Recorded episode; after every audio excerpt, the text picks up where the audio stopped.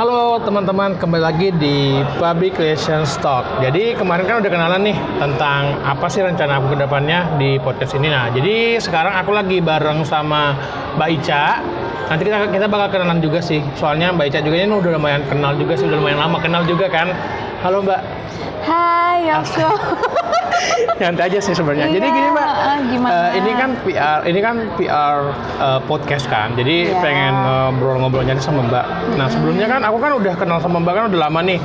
Dari zaman aku LO-in Mbak di PR, Icon Icon PR. Icon PR 2016 betul. 16. Dan sekarang aktif di Ipra Humas juga di Government PR dan eh, ada juga rencana-rencana ke depannya Mbak. Nah, kalau boleh tahu Mbak, sekarang selama di berapa lama sih di kementerian udah?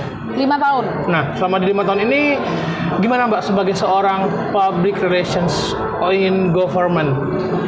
Ini selalu aku sharing ya ke teman-teman gitu, di mana government PR itu berbeda sama PR-PR yang lain, Ha-ha. kayak Korkom, eh, yang di BUMN maupun swasta, itu udah pasti beda gitu. Ha-ha, bener, yang bener, pasti kita eh, yang pertama adalah ngomongin rules gitu, rules dan birokrasi. Di government itu SOP ya. Karena di government itu kita terbatas ya ruang geraknya. Kita nggak bisa mengeksplor apa yang sebenarnya kita mau bikin, kita mau lakuin. Karena apa? Semua itu eh, ada aturannya, ada batasannya. Kita nggak bisa melakukan kalau kita tanpa persetujuan sama atasannya. Tapi sejauh ini yang bisa aku lakukan selama aku jadi humasnya pemerintah eh, lebih ke ide sendiri sih. Maksudnya gini, kalau di kantor aku memposisikan diri sebagai staff, sebagai bawahan, sebagai ya maksudnya bagaimanapun juga aku masih punya atasan. Bener, bener, bener. Aku memposisikan diri sebagai itu. Kalaupun memang ada suatu hal yang aku bisa tangani, ya itu juga pastinya akan aku komunikasikan lagi. Tapi memang biasanya kalau di eh, kita itu misalnya gini kalau misalnya gini kalau kita itu kan biasanya kan krisisnya kan apa ya kayak misalnya di demo Ah masalah benar ini benar. harga segala Mengenai macam isu gitu kan, ya. di Kementerian Perdagangan kan lumayan tuh. Hmm, agak banyak ya gitu kan isu sekarang juga lagi ada isu hangat tapi nggak usah dibahas terus Bisa so political ya. Iya, terus nah itu eh gimana ya? Kita tahu nih, oh iya ada isu ini, tapi akhirnya kita jadinya gimana prosesnya? Ya prosesnya kita dari bawah banget. Kita lihat media monitoringnya, kita lihat bagaimana ton pemberitaannya dulu, baru akhirnya kita rapat, kita memberikan apa ya suatu keputusan dalam rapat itu kita mau ngapain dan Bener itu sih. pun itu pun tuh ada bagiannya sendiri-sendiri gitu loh jadi nggak bisa kita terus tiba-tiba kita jadi juru bi- bicara Ah, ataupun paham. kita juga nggak bisa tiba-tiba melakukan suatu hal yang di luar dari Garis eh, garis garis ya. SOP-nya. betul Bener. kayak di tempat aku kan ada bagian media monitoring sendiri dari situ kita bisa tahu ya gitu kan sekarang ini pemberitaannya cenderung mengarah ke mana kemudian bagaimana eh, kalau sekarang udah ada medsos juga nih di bagian multimedia. Dari situ Udah, kita udah bisa mulai kembangin juga. Hmm, udah. Bahasa bahasanya Mbak. bahasa bahasanya kita sudah mulai apa ya kalau di Twitter sih kita udah sering ya balas-balesin replay orang komen orang. Instagram juga juga gitu. Kita pokoknya udah mulai agak terbuka lah sekarang ini gitu. Dari situ kita juga bisa lihat nih oh yang mana sih yang yang apa namanya bisa bikin apa bisa viral yang mana yang Ah, enggak yang mana intinya yang engagement-nya yang menarik, kuat gitu ya. eh, yang mana yang menarik yang mana yang enggak gitu Terus Mbak gini loh, eh, kan sering tuh kan ketika orang ngomongin tentang PR. Jadi sebenarnya kalau Mbak sendiri dalam ranah selama ini, apalagi kan ini udah mulai dari awal masuk sebagai PR di kementerian dari CPNS hingga jadi PNS dan alhamdulillah kemarin kan S2 juga kan. Itu Alhamdulillah. alhamdulillah itu perjalanan selama jadi PR tuh yang orang lain bayangkan tuh gimana sih Mbak kalau di kementerian tuh? Kan ada kan sering ketika Mbak Itu ketemu dia. sama anak-anak gitu. Hmm. Maksudnya kamu lebih pengen ke teknisnya atau lebih ke akunya sendiri? Mbaknya sendiri sih oh iya, kalau, sendiri. kalau aku sendiri. Kalau aku sih ya secara pribadi, aku nih di pemerintahan gitu. Ya seperti yang tadi udah aku bilang, kalau di kantor aku memposisikan diri sebagai Mm-mm. eh, humas yang sesuai dengan SOP. Tapi kalau di luar gitu, aku ide sendiri kayak yang tadi aku bilang. Oh, ide- Inovasi ya? Eh, ide sendirinya di mana? Aku punya aku punya medsos gitu kan. Aku gunakan medsos itu juga untuk istilahnya eh, kalau misalnya kantor tuh kan terlalu banyak aturan, kalau medsos pribadi kan kita nggak ada aturan ya. Lebih lebih bebas. Nah, jadi kan lebih ke kitanya sendiri gimana gitu. Nah, ya udah posisikan dirimu sebagai PR yang independen. Tapi kamu tetap tetap eh, ada maksudnya background kamu tetap jelas ya kamu sebagai humas kementerian ini misalnya atau humas dinas ini misalnya gitu. Tapi kamu gunakan medsos kamu eh, istilahnya gini loh, gunakan secara kalau anak sekarang kan bilangnya milenial ya, ngikutin ya kekinian benar, intinya kayak gitu. Tetap untuk mengkomunikasikan eh, latar belakang kamu instansi kamu tapi dengan caramu. Yang berbeda Ah, gitu ya. kalau aku sih lebih ke situ keidean sendiri Ah, jadinya nah, gitu. awal mula yang dulu di 2016 itu awal mula ke hingga masuk sebagai icon PR itu gimana, Mbak? Awal mula ya. Itu sebenarnya aku coba-coba sih. Karena aku tahu loh. iya tapi aku pengalamannya belum banyak. Karena aku baru dua tahun. Satu tahun CPNS dan baru satu tahun jadi PNS Itu pun gitu. kerjanya masih di ranah? Di ranah yang maksudnya masih layan informasi ya. Oh, jadi benar, aku benar, benar. belum terlalu menyentuh banget sebenarnya dan belum ngerti banget seperti apa sih public relations itu seharusnya gitu. Ya sebenarnya itu juga sih yang membuat aku berkembang sekarang. Kalau aku nggak masuk di Icon PR mungkin aku nggak akan belajar gitu intinya gitu yang sa yang aku tahu begitu begitu aja ya pastinya nggak akan lebih lagi gitu tapi karena Icon PR kan aku dituntut ya untuk harus ngerti gitu tidak hanya dari segi pemerintahan tapi juga yang lainnya seperti apa bergaul sana sini sama Akhirnya orang. belajar banyak juga. Akhirnya belajar benar. banyak dan akhirnya dapat masukan ini itu ini itu dari ya apa ya kita nggak di situ-situ doang gitu ya udah perjalananku intinya eh, aku iseng-iseng gitu kan. Tapi akhirnya berbuah hasil. ya alhamdulillah gitu. Eh, kita sama-sama belajar. Intinya teman-teman di Icon PR pun juga sama-sama belajar. Waktu itu kan itu kita angkatan pertama ya. Jadi masih belum tahu lah mau ngapain gitu. Sampai akhirnya oh iya aku ketemu sama yang dari Telkom dari ini BUMN lah banyak gitu. Nah, terus Mbak eh, selain icon PR kan Mbak juga aktif di government PR kan atau IPRA kan. Nah, di Oh, IPRA Humas iya. sendiri tuh sebenarnya eh soalnya gini kan selama ini kan orang tuh mesti mikirnya PR PR di pemerintahan tuh seperti ini kaku dan lain-lain. Nah, Ah, kalau di ah, ah. IPRA Humas sendiri tuh yang pengen diangkat tuh seperti apa sih? Ipra Humas itu yang pertama kita kan ngumpulin humas-humas di seluruh Indonesia ya, Oh iya? instansi di seluruh Sampai Indonesia. daerah juga? Iya, nggak cuma kementerian doang, nggak cuma lembaga pusat doang. Intinya gitu. Yang pengen kita bangun di Ipra Humas itu sebenarnya adalah sinergi gitu loh. Jadi kalau bisa nih gitu narasi tunggal itu semuanya tuh istilahnya gini loh. Jadi nggak cuma yang di Jakarta sentris saja nggak cuma yang di Jakarta doang yang tahu tapi teman-teman juga tahu. Atau yang di daerah juga punya informasi bisa kasih ke pusat kayak gitu. Intinya sebenarnya sinergi aja sih biar kita lebih lebih apa ya nyambung lebih bisa berkomunikasi dengan baik. Jadi nggak nggak apa ya gini kan kita kan kadang-kadang yang di pusat kayak pusat daerah-daerah kita nggak ada yang Ah, ada saling- ada semacam Ah, kayak ada gap gitu lah ya nggak pernah iya nggak komunikasi. pernah ketemu Ah. gitu kan kalau kan tapi kan dengan adanya Ipra Humas kita berharapnya ya maupun di pusat di daerah sama semuanya kita saling info karena grup itu nggak nggak nggak apa ya maksudnya nggak ada berhentinya gitu loh info dari sini dari sini dari sini jadi kita seneng nih gitu kan oh ternyata ada oh, komunikasi ah, bareng gitu. ada komunikasi dan ketika mereka ke Jakarta pun gitu. Kita maksudnya eh, mereka juga sudah tahu gitu loh kondisi kita bagaimana gitu kan. Kita saling kasih masukan oh iya kalau di di pusat tuh begini gini gini gini. Dan mereka juga bisa bawa ke benar daerahnya. benar benar benar intinya benar kayak gitu. Mantap sih. Sebagai itu loh eh, kan kemarin kan juga kan baca-baca kan kemarin. Jadi selama selama di PR itu kan kayak kemarin kunjungan ke pasar pasar ya kemarin. Oh ke mana oh ini ya Allah. Iya iya iya iya. Nah itu sebenarnya kadang kan orang mikirnya kalau di humas paling sering nih ketika nih aku pas zaman zaman kuliah ketika aku berpikir tentang humas pemerintahan aku tuh pengen pengen tahu tuh sebenarnya tuh orang kan pasti mikirnya humas pemerintahan itu kalau nggak di PIP sebagai pelayanan paling media monitoring clipping dan lain-lain. Nah sebenarnya tuh sejauh mana sih sebenarnya orang tuh bisa eh, berekspresi atau enggak kayak semacam kayak dia tuh pengen meng- mengimplementasikan PR-nya di eh, kehumasan pemerintahan tuh kayak gimana? Sebenarnya gini ya Dut eh nggak apa-apa. Jadi gini, maksud aku gini loh, ya yang pasti kalau humas pemerintahan itu kan ada bagiannya Eh, ada. SOP-nya lah intinya. Ada. Nah kemarin itu kan aku tuh di layanan informasi yang tugasnya adalah memberikan dan meneruskan baik informasi dari dalam keluar atau luar ke dalam kan gitu ya gitu. Nah sekarang ini aku ada di divisi yang berbeda. Aku dipindahkan di ke divisi yang berbeda. Wahai, udah beda Iya. lagi, tapi tetap humas. Masih di humas, cuman aku lebih ke media massa. Di media massa ini suatu hal yang baru buat aku karena sekarang ini aku udah bukan sama masyarakat lagi, tapi aku lebih bersentuhan dengan pers. Ah, oke.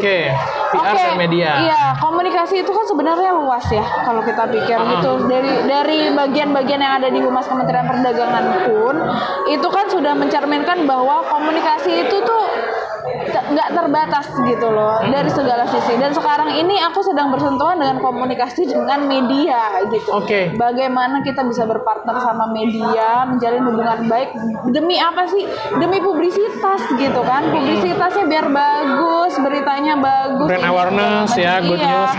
Nah, berarti kan kalau aku sendiri kan sekarang kan sebagai ya aku juga kan udah PR juga nih istilahnya asik. Asik. Tapi kan aku masih di tahap benar-benar fundamental yang awal tuh masih bangun eh, media relationsnya nih. Aku kan baru masuk situ. Nah, kalau di Mbak sendiri nih kalau melihat tuh udah sampai di tahap mana nih untuk PR-nya sendiri?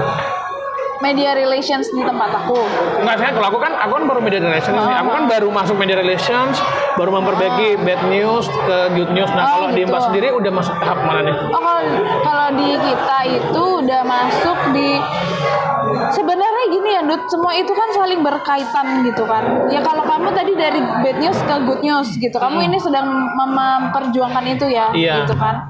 Sebenarnya sama, sama Brand aja ya ya. gitu. Iya sama aja, cuman kan di sini kita juga kalau pemerintahan itu kan sensitif ya gitu loh. Jadi kita juga harus lebih melihat apa Melihat segi- kiri kanan ya. Iya, Harus hati-hati. eh, eh, karena ada segi politiknya, ada segi ya banyak lah gitu. Nah, kalau di kita sih PR-nya sekarang udah lebih ke eh Dor.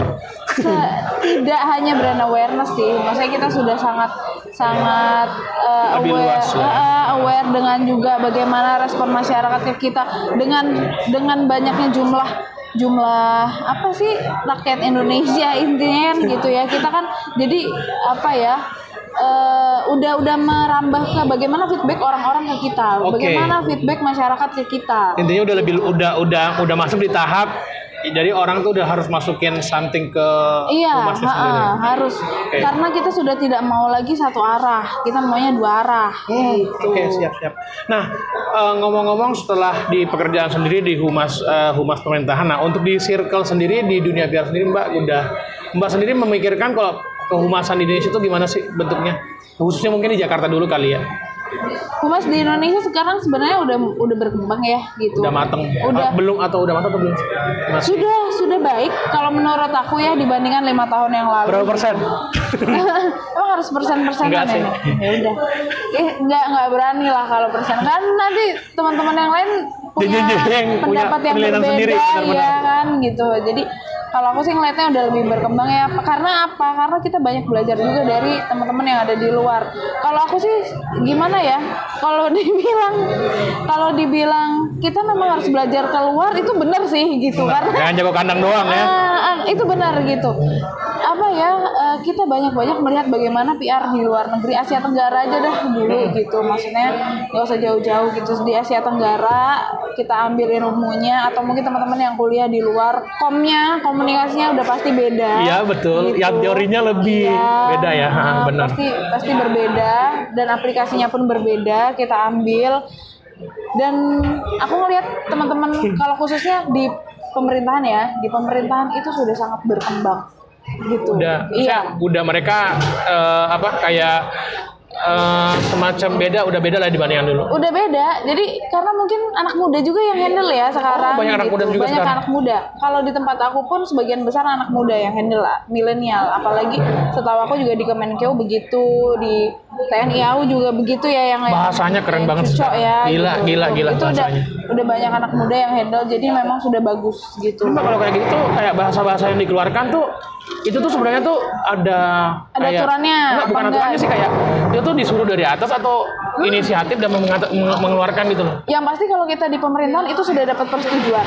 Ya Allah berarti harus ke atas dulu. Iya, tapi alhamdulillahnya berarti kalau itu sudah teraplikasi, eh ter ah, teraplikasi ya, maksudnya sudah udah di apa ya, udah dilakukan, berarti udah dapat persetujuan dari atas ini. Jadi yang lain udah bisa mengikut ikut ikutin iya, cara itu ikutin juga. aja, ikutin aja tinggal gitu. Kayak kan kita kan itu kalau kayak gitu tuh sendiri ide sendiri apa gimana? Enggak, itu udah pasti dapat approval dari atas intinya Ah. gitu. Lagi-lagi kan sebenarnya itu ya, cuman kan kita berharapnya Itu itu hambatan atau apa sih Mbak sebenarnya? Eh, bisa dibilang hambatan bukan bukan hambatan yang berarti juga sih asal kita bagaimana kita bisa lobby itu tadi ya kita teknik lobby dan negosiasi kita lakukan ke atasan intinya gitu. Dan kita eh, komunikasikan dengan baik bahwa sekarang ini sudah modelnya beda. Tapi Dunia udah berubah. Hmm, gitu. Tapi kita juga harus berdasarkan riset ya. Kalau bisa kan kita kan kalau ke atasan kan ngasih taunya tuh berdasarkan data gitu. Jadi jangan cuma ngomong doang gitu. Kalau cuma ngomong doang mereka nggak akan bisa percaya Nggak ada karena data. apa? No data, no, no, no, no action. Kebanyakan dari mereka masih baby boomers usianya gitu. Generasi-generasi baby boomers yang ya kalau nggak ada bukti fisik nggak mau gitu. Jadi ya itulah itu triknya ya hal gimana cara kita komunikasi sama khususnya di pemerintahan yang masih birokratik banget gitu. Ini berarti bisa juga bisa juga sih yang mungkin anak-anak yang CPNS baru yang masuk di bagian humas atau dia peranata humas mungkin bisa Tahun ini belajar juga. sih. ada, Oh, tahun ini nggak ada. nggak ada Ya, gitu. nggak masuk ya.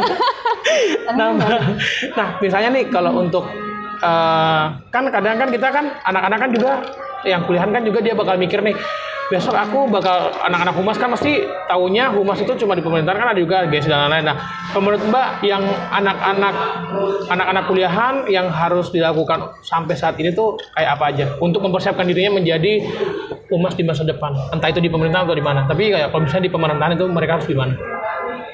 Ada satu kesalahan yang aku perbuat dulu waktu kuliah ya gitu kan. apa? Ini buka buka buka kartu nih. Iya, aku itu dulu kurang aktif waktu kuliah ya. Jadi jangan dicontoh ya, gitu pemirsa, karena eh, pusing dengan urusan pribadi. Oh iya. Nah, tapi karena gini ya, aku mengambil pelajaran gitu. Untungnya sebelumnya setiap di sekolah itu aku sudah aktif gitu. Kalau buat teman-teman yang masih kuliah sih, yang pertama aku pengen tekanin bahwa teman-teman harus punya skill public speaking gitu ya. Yang aku, Oke. yang aku makanya tadi aku bilang aku aku, aku pengen punya Ah, itu project itu ke depannya. gitu, gitu ya. Aku pengen selain punya project selain public itu. speaking, Mbak. Kalau aktif, aku yakin teman-teman sekarang udah banyak yang aktif. Mereka secara tidak langsung ikut organisasi itu mereka sudah belajar bagaimana kepemimpinan, bagaimana istilahnya organisasi, bagaimana negosiasi, bagaimana ngelobi, bagaimana planning. Itu kan sudah masuk komunikasi semua tuh. Itu kan pelajaran komunikasi. Udah cukup sih gitu. Yang penting kamu punya pengalaman gitu loh. Yang penting kamu punya pengalaman. Kalau kalau bisa kamu kamu tambahkan dengan skill skill istilahnya ya sekarang kalau aku bilang humble itu sebenarnya itu bukan skill sih ya itu Itu udah manusiawi kayaknya ya orang tuh nggak perlu humble lagi. Ah, ah, udah kayak kayak maksudnya anak komunikasi itu kan memang kita harus Bawaannya kayak gitu. eh, bukan SKSD ya tapi perbaiki attitude Aneh ya kalau. gitu ya perbaiki Ah, attitude is so important ya sekarang ya. Yes, benar sekali. Selain kamu pintar, kamu juga harus punya attitude gitu karena Hmm. anak-anak zaman sekarang itu takutnya gitu karena mereka Terlalu nyaman. Heeh, terlalu merasa sudah bisa dan yang lain Di atas angin. Heeh, mereka lupa bagaimana harus bersikap dengan yang lebih betul, betul, betul atau senior gitu. ya Nah, eh, berarti selain dari public speaking, eh, organisasi networking dan attitude tuh eh, yang harus dilakukan kayak oke sekarang aku organisasi ini ini. Nah, kalau untuk networking sendiri Mbak yang harus dilakukan oleh PR masa muda atau mempersiapkan diri untuk masuk ke PR tuh networking yang seperti apa?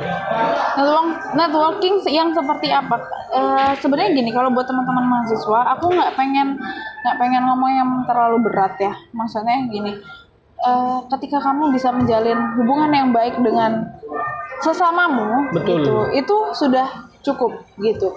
Kalau kamu bisa menambah grade kamu dengan berorganisasi, akan lebih baik lagi. Kamu menambah grade dengan organisasi lebih dari satu, itu akan lebih baik lagi. Jadi kita mulai dari yang paling dasar dulu bahwa kamu Orang-orang bisa sekitar. Mm-mm, kamu bisa menjalin hubungan yang baik dengan sesamamu gitu. Jadi yang paling terdekat dari kamu dulu aja lah gitu loh. Karena kan buat teman-teman mahasiswa kan sekali lagi ketika kamu nyemplung di dunia kerja di dunia PR yang sebenarnya skill kamu tuh sebenarnya itu doang kok yang dipakai. Teori itu semuanya udah nggak ini. Kalau Karena aku berbeda ya? Ah, kalau aku kalau aku ya teori itu udah nggak apalah itu teori gitu kan. Bisa bisa dibaca tapi kalau kita juga nggak punya keahlian Learning by doing berarti ya yang dibutuhin banget ya? untuk ya kita udah dari sikap kita udah siap ya sama aja gitu loh kalau kita nggak siap ya sama aja gitu Kenapa?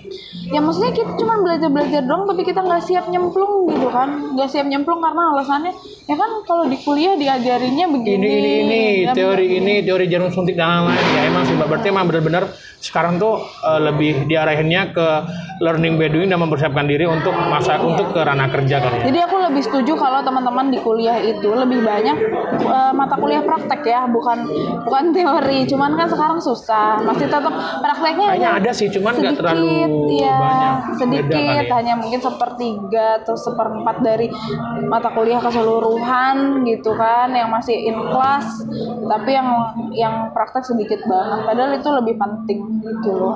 Mantep. Nah, ngomong-ngomong tadi tentang public speaking nih, Mbak. Nah, untuk dari Mbak sendiri tuh kan ini kan udah bisa bisa dikatakan kan kemarin kan eh, udah masuk berapa tahun tadi? Lima, lima tahun kan? Lima tahun nih udah udah udah jadi eh, PR PR kementerian. Terus alhamdulillah kemarin juga udah mulai udah masuk ke tahap di mana dapat beasiswa S2 juga bisa lanjut. Jadi kerjaan tetap jalan, S2-nya juga jalan. Nah, untuk ke depannya ini rencananya ada project atau something nggak supaya apa yang dikerjain? Yang pengen aku lakukan dalam waktu dekat ini yang masih Intinya menjadi kayak, target aku ingin memberikan something Oh untuk dunia iya PR. dong, udah pasti itu. Aku nih sekarang lagi belajar nulis gitu loh. Wih. Lagi belajar nulis dalam Kemarin arti aku tulisannya nih yang keluar. Iya.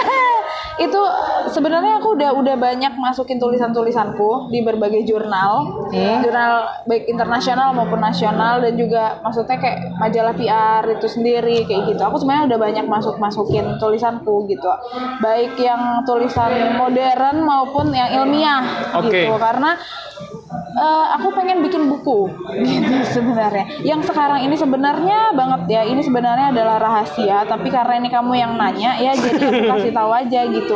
Aku sebenarnya pengen bikin buku dalam waktu dekat gitu. Da- pengennya sih tahun ini ya. Kan Bismillah, kemarin kan banyak kan udah buku-buku PR tuh yang baru-baru sumpah aja aku aja bikin Iya. bikin skripsi itu enak banget mbak dari bukunya Pak Agung Laksamana tentang PR in, eh, in disruptive era.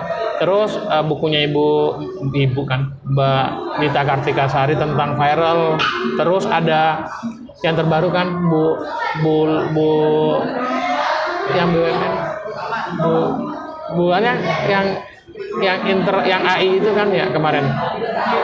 Bu Lela yang dari Oh iya iya iya. Bu, Bu, Lela, Bu Lela Arif kan Banyak, juga. banyak sebenarnya. kan, nah kalau Mbak sendiri lebih pengen ke arah mana ada bocoran dikit ya Ada.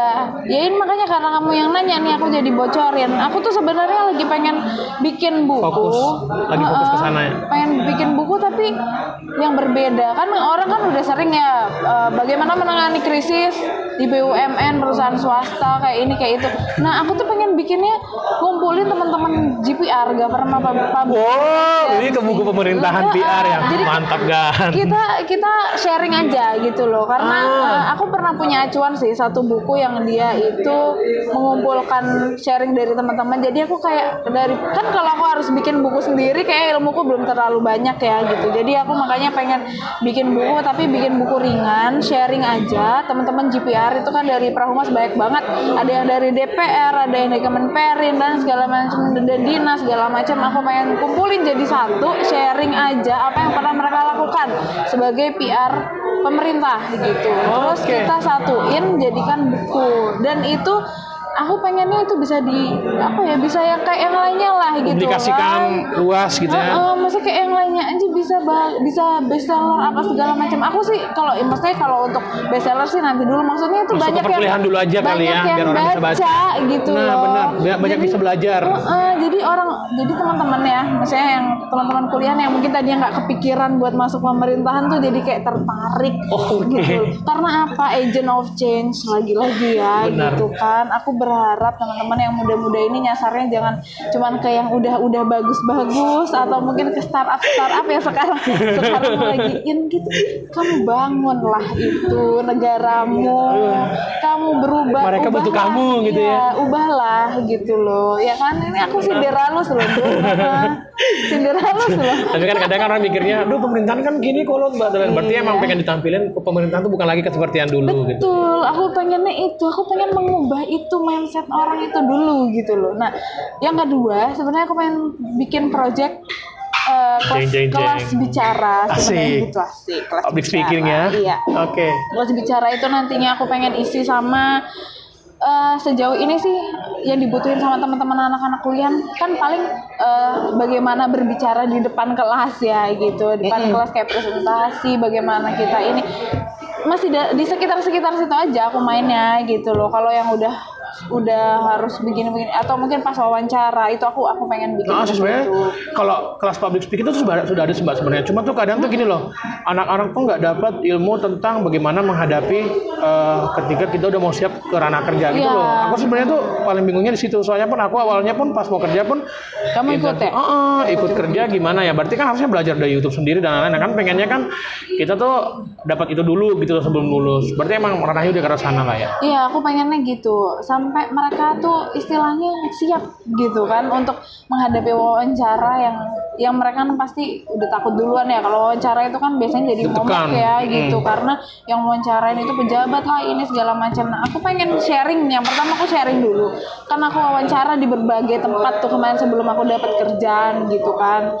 Dan ya maksudnya memang mostly pemerintahan sih ah, gitu. benar. Cuman ya seenggaknya hampir sama kan ya gitu di mana-mana gitu ya aku sih pengennya ke situ sih mempersiapkan mereka untuk untuk siap bekerja siap menghadapi wawancara siap untuk nyemplung Bener. Gitu. Di pemerintahan. Tapi mbak kadang tuh gini loh. Orang tuh mikirnya pemerintahan tuh apa? Anak-anak tuh kadang tuh berpikirnya. Anak-anak apa kamu nih? Eh, bukan cuma aku sih. Teman-teman kuliah tuh bukan berpikir aku nggak mau di pemerintahan. Tesnya itu loh yang sulit CPNS kan nggak gampang banget. Oh, iya. kalau itu itu harus beli buku belajar Soalnya kan kadang tuh, iya aku punya idealis, aku akan membuat kementerian, aku akan membuat pemerintahanku seperti ini. Tapi pas tes, jeng jeng jeng, bingung kan? Berarti berarti emang harusnya kan bukan cuma dari segi itu kan, berarti emang banyak yang harus dipelajari kan ya. hmm memang kalau di pemerintahan itu kayak tes CPNS itu kan normatif ya apa sih Semuanya ya. ngono sem- tok ngono loh sebenarnya padha wae koyo kita mau masuk masuk kuliahan kan ya tesnya ngono kuwi gitu kan Ribet cuman lah ya. Heeh, cuman, Astagfirullah. cuman apa ya namanya ya aku nggak tahu sih kenapa harus begitu harusnya kan kita bisa lebih lebih Dipermudah, heeh. juga gitu loh Seperti kalau- masuk ke perusahaan-perusahaan startup kali ya. Misalnya jurusan komunikasi ya tesnya sesuai dengan bidangnya gitu, tapi kan itu Nggak gitu-gitu, enggak gitu. Iya, memang memang begitu gitu loh. Aku nggak ngerti itu kenapa ya kan itu nanya sama Menpan aja kalau itu. Besok bikin bikin petisi deh, jangan deh mbak. Nah, eh, berarti ini kan udah sampai kita ngomongin tentang eh, ke depannya proyeknya gimana, Pengennya Ah, ah, dan Allah. kita juga udah ngomongin tentang eh, dari buku bikin eh, kelas public eh, speaking yang semoga itu benar-benar bisa terlaksanakan di Ya tahun Allah, ini. Amin ya Allah. ya Allah. Ah, At least satu buku aja tahun ini. Aduh, aku tuh pengen Ya banget. mungkin nanti mungkin misalnya nih kalau ini mungkin didengar orang lain ya podcast ini ya mungkin ada yang mau bantu mau bantu misalnya mau anu bareng-bareng kan nanti bisa bisa saling kolaborasi karena kan orang kan pengennya kolaborasi kan Iya dong, mau kolaborasi. Aku belum punya banyak ilmu harus harus ini sendiri gitu loh. tapi sejauh ini mbak udah udah enjoy ya kayak komunikasi kayak udah passionnya lah ya Oh, sangat. Ternyata aku tidak salah masuk. Siap Jadi ketika aku dulu salah masuk jurusan waktu SMA, kayaknya itu aku tebus kesalahanku di Pas kuliah, kuliahan betul, ini betul, betul. gitu. Jadi aku merasa aku udah sangat enjoy, sangat aku banget gitu. Jadi apa ya? Kerja udah nggak kayak kerja gitu ya. Udah kayak main udah aja. kayak hobi yang dibayar hobi yang dibayar, main hahaha gitu.